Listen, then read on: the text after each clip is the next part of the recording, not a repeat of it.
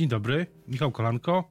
Państwa i moim gościem dzisiaj jest wiceszef MSZ Paweł Jabłoński. Witam serdecznie. Dzień dobry panu, dzień dobry państwu. Chciałbym zapytać na początek o samolot, który rozbił się y, przy lotni niedaleko lotniska w Teheranie, ukraińskich, ukraińskich linii lotniczych. Czy wiemy już coś o tym, czy, czy na pokładzie mogli być Polacy. Tak, mamy informacje sprzed dosłownie kilkunastu minut. Potwierdzaliśmy to zarówno z, za pośrednictwem naszej placówki w Teheranie, z pośrednictwem naszej placówki w Kijowie. Wśród ofiar, wśród osób, które były na pokładzie tego samolotu, nie było osób z polskimi paszportami. Natomiast jednocześnie e, mamy też e, informację, że, że najprawdopodobniej e, nikt nie przeżył. Chciałbym złożyć kondolencje wszystkim rodzinom i bliskim ofiar. To jest jedna z rzeczy, które działy się wczoraj na Bliskim Wschodzie, ale uwagę polskiej opinii publicznej y, oprócz y, przy, przykuwa oczywiście to, co dzieje się na linii Ameryka-Iran i też bezpieczeństwo polskich y, wojsk w Iraku. Czy, czy myśli pan, że pod takimi warunkami mogłoby ewentualnie dojść do ich wycofania z Iraku? To bardzo dużo zależy od tego, jak sytuacja będzie się rozwijała. Trudno na ten moment powiedzieć, e, że jakieś, jakiekolwiek konkretne wydarzenie, jakikolwiek konkretny warunek może do czegoś takiego doprowadzić. E, jesteśmy w sytuacji, w której dziś w nocy mm, doszło do ataku rakietowego na bazy, na dwie bazy, e, w których stacjonują żołnierze amerykańscy na terenie Iraku. Wedle informacji, które mamy, nie było w tej, nie było ofiar śmiertelnych, wbrew twierdzeniom te, tych, tych, tych, tych które się pojawiają w mediach irańskich, e, więc na ten moment e, trudno przewidzieć, jak ta sytuacja się dalej rozwinie, no ale niestety e, nie jest to dobry kierunek. Ten, ten nocny atak nie, nie posuwa sytuacji w stronę taką, jaka była pożądana, czyli w stronę deeskalacji. Ale wracając jeszcze do polskich żołnierzy, czy też są informacje o tym, co się z nimi dzieje, w którym w jakim są stanie? Tak. Jesteśmy, jesteśmy tutaj, mamy, mamy pełne informacje. Dziś rano w Ministerstwie Obrony Narodowej była w tej sprawie konferencja prasowa. Mamy e, stuprocentowe informacje, że żaden polski żołnierz nie ucierpiał w tych atakach. I wracając jeszcze do samych, e, wracając do tego pytania o te warunki, czyli to musiałaby być decyzja, która jest, byłaby podjęta, nie wiem, we współpracy z, czy na, na prośbę rządu irackiego, Amerykanów, e, decyzja oczywiście zwierzchnika sił zbrojnych, i pytanie, tak. czy, czy, czy, czy, to jest kwestia pana zdaniem, nie wiem, dni, tygodni? Już tłumaczę, jak to wygląda. Z prawnego punktu widzenia Polska jest obecna w Iraku na podstawie kilku innych krajach Zatoki, na podstawie dwóch um, operacji. Jedna to jest operacja natowska, druga to jest operacja globalnej koalicji e, w, w ramach tak zwanej operacji Inherent Resolve. My tam mamy w tej chwili około 270 żołnierzy. Jeśli e, w tej chwili mamy rezolucję parlamentu irackiego, który, która jest skierowana do rządu irackiego, bo to jest rezolucja parlamentu do rządu, która wzywa ten rząd iracki, aby wypowiedział e, umowy będące podstawą obecności obcych wojsk na terytorium Iraku.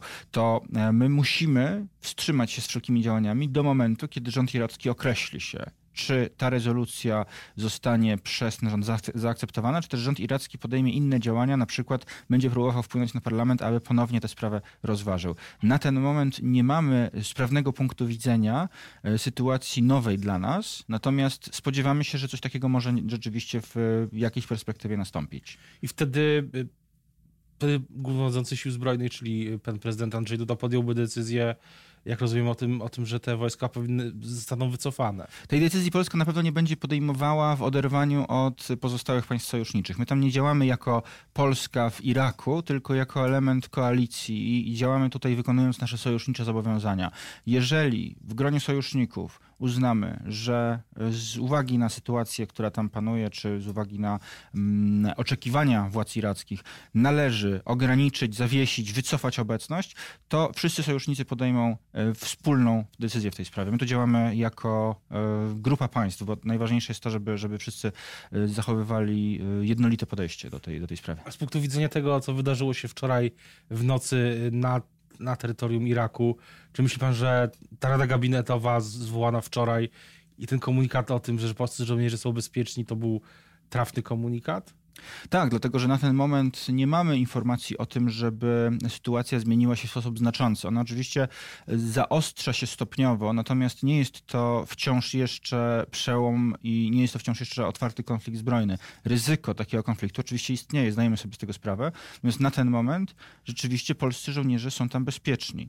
Jeżeli sytuacja będzie się zmieniała, my to monitorujemy przez 24 godziny na dobę. Jeżeli sytuacja będzie się zmieniała w momencie, w którym uznamy, że dalsza obecność polskich żołnierzy tam nie gwarantuje im bezpieczeństwa lub też jest e, z jakichś innych powodów niepożądana, niemożliwa do utrzymania, będą podjęte w tej sprawie odpowiednie decyzje. A myśli pan, że dzisiaj, w najbliższych godzinach e, można się spodziewać komunikatu ze strony albo MSZ, albo nawet e, premiera Morawieckiego dotyczącego tej sytuacji? Myślę, że taki komunikat zostanie wydany wtedy, kiedy będziemy mieć e, informacje, co się dzieje dalej, czy Amerykanie podejmą decyzję o tym, w jaki sposób będą na to reagowali. W piątek odbywa się specjalne posiedzenie Rady Unijnej Ministrów Spraw Zagranicznych. To też ma bardzo duże znaczenie, jeśli chodzi o wspólną odpowiedź, wspólne stanowisko państw Unii Europejskiej, bo to też jest pole działania, w, których, w którym unijna dyplomacja powinna być nieco bardziej aktywna. Są też takie głosy, że Unia Europejska jest spóźniona, jeśli chodzi o reakcję na kryzys nowy, nowy etap tego kryzysu. No, są, takie, są takie reakcje, one wynikają z tego, że rzeczywiście unijna, wspólna polityka zagraniczna nie ma e, takich podstaw traktatowych, jakie, inne, jakie mają inne obszary polityki. Stąd na przykład oświadczenia poszczególnych państw, poszczególnych liderów, a nie ma oświadczenia, e, nie ma, nie ma takiego stanowiska wyrażonego przez e, unijną służbę działań zewnętrznych.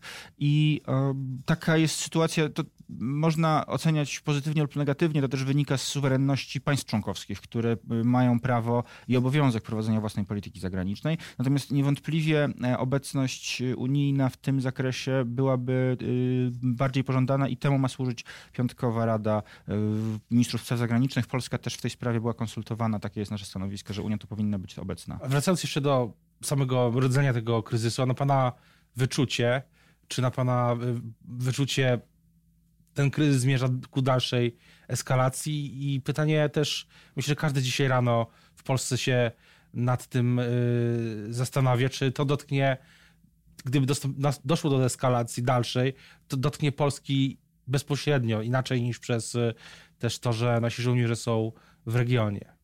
Znaczy Polski jako e, naszego terytorium e, takiego zagrożenia realnego w tej chwili nie ma. To jest e, w tej chwili konflikt potencjalny o znaczeniu, o zasięgu lokalnym. Natomiast oczywiście wpływa to na globalny poziom bezpieczeństwa, dlatego że tego rodzaju konflikty są wykorzystywane przez inne siły, które wtedy mogą podejmować pewne działania także w innych częściach świata. Również możemy się spodziewać pewnych działań w naszej części świata, na przykład ze strony rosyjskiej. To jest oczywiste.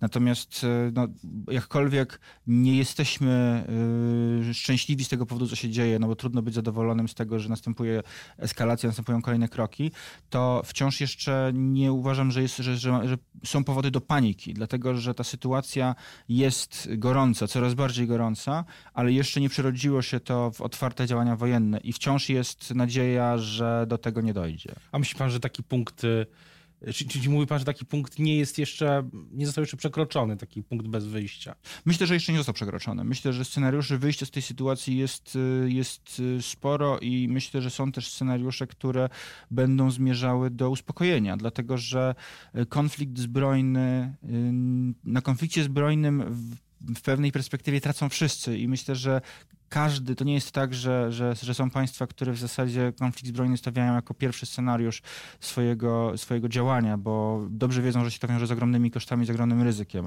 Dlatego też apelujemy i, i Polska, i cała Unia Europejska, i Sojusz Północnoatlantycki o racjonalne podejście i o rozsądną kalkulację i przede wszystkim o, o uspokajanie nastrojów. A myśli pan, że, ale to co mówił pan przed chwilą, myśli pan, że e, w tych warunkach geopolitycznych e, nasi, y, nasz największy sąsiad ze wschodu, czy może, może wykorzystać sytuację do jakichś działań, na przykład wobec y, krajów regionu, wobec Białorusi? Oczywiście Rosja może tego rodzaju działania podejmować, ponieważ nie jest też tajemnicą, że Rosja bardzo ściśle współpracuje e, z państwami Bliskiego Wschodu, zwłaszcza z, współpracowała z Syrią i, i, i, także z Iranem. E, przecież e, bardzo, w zasadzie tajemnicą Poliszynela była obecność generała Sulejmaniego, to, że bywał w Moskwie, więc to nie są na pewno, to, to, jest, to są naczynia połączone to, to na pewno nie jest tak, że to pozostaje bez wpływu i istnieje takie ryzyko, że o ile sam konflikt, potencjalne działania zbrojne będą ograniczone do regionu, o tyle pewne działania w innych częściach świata mogą być podjęte z uwagi na to, że na przykład państwa czy regionu, czy, czy, czy Stany Zjednoczone będą bardziej skupione na konflikcie na Bliskim Wschodzie. A, a myślimy, że w tej sytuacji odbędzie się to y, forum dotyczące e, Holokaustu, w, wspomnienia Holokaustu w, w Jerozolimie, to które budziło tyle emocji. Trudno to przewidzieć w, w tym momencie, dlatego że e, Irańczycy otwarcie powiedzieli kilka dni temu, że miasta izraelskie również mogą być celem ataku i, i trudno przewidzieć na ile ta sytuacja, na ile te, to, są, to, są, to są groźby, na ile realne zamierzenia i, i, i plany e, tego rodzaju działań, ponieważ gdyby rzeczywiście okazało się, że Izrael stałby się obiektem ataku, to, to wówczas sądzę, że przyjazd liderów światowych zostałby tam, e, stanąłby pod bardzo dużym znakiem zapytania, co najmniej. A skoro, skoro już o tym mowa, to jeszcze w, w, tym wątku jedno, jedno pytanie.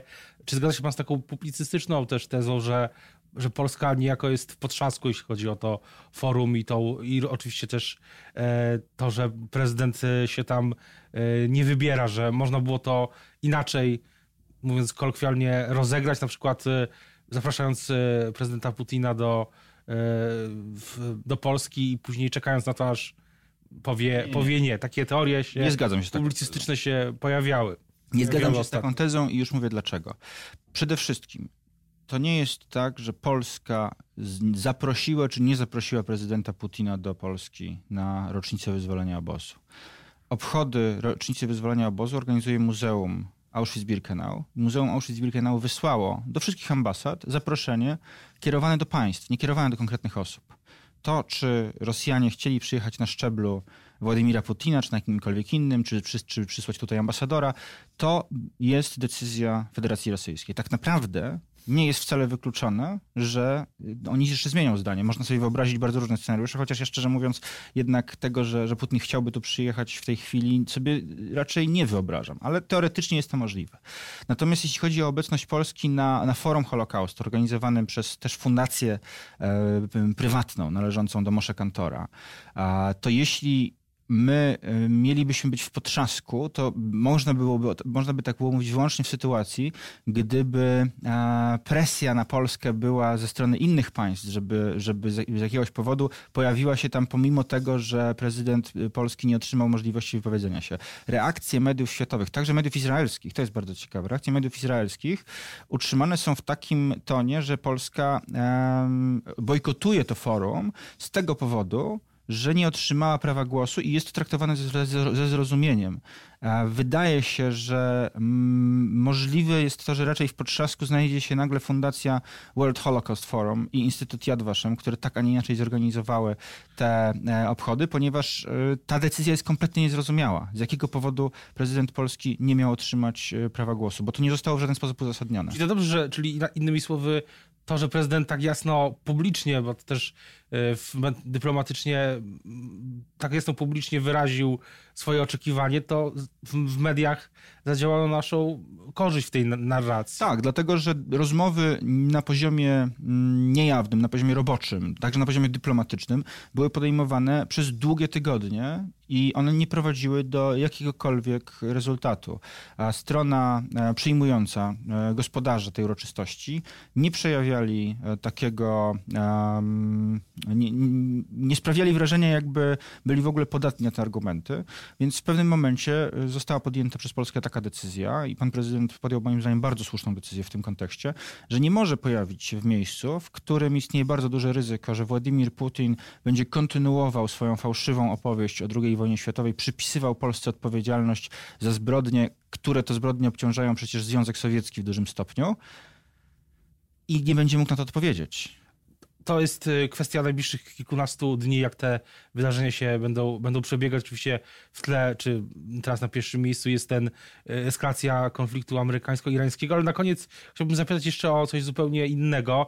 Czy, czy myśli pan, że real, czy, czy uważa pan realnie, że marszałek Senatu, pan profesor Tomasz Grodzki prowadzi, czy zaczyna prowadzić odrębną politykę zagraniczną? Postawiłby pan taką tezę albo się z nią zgodzi? Nie, myślę, że on próbuje w pewien, w pewien sposób zaznaczyć swoją obecność w polityce krajowej poprzez używanie narzędzi, które e, są narzędziami z polityki zagranicznej. Natomiast trudno to nazwać polityką zagraniczną, bo o ile to też nie jest tak, że, że marszałek Senatu nie ma prawa się spotykać z, z ambasadorami czy, czy, czy, z kimkolwiek innym, także z przedstawicielami instytucji międzynarodowych i Unii Europejskiej. Natomiast MSZ w tej sprawie doradza e, i marszałkowi, i wszystkim innym politykom daleko posuniętą ostrożność. Dlatego, że jeśli e, spotykamy się z prezydentem, z ambasadorem Rosji, ambasadorem państwa, które naszego ambasadora nie traktuje w taki sposób. Nasz ambasador nie jest przyjmowany przez marszałka, czy przez przewodniczącego Rady Federacji, nie jest przyjmowany też przez ministra spraw zagranicznych.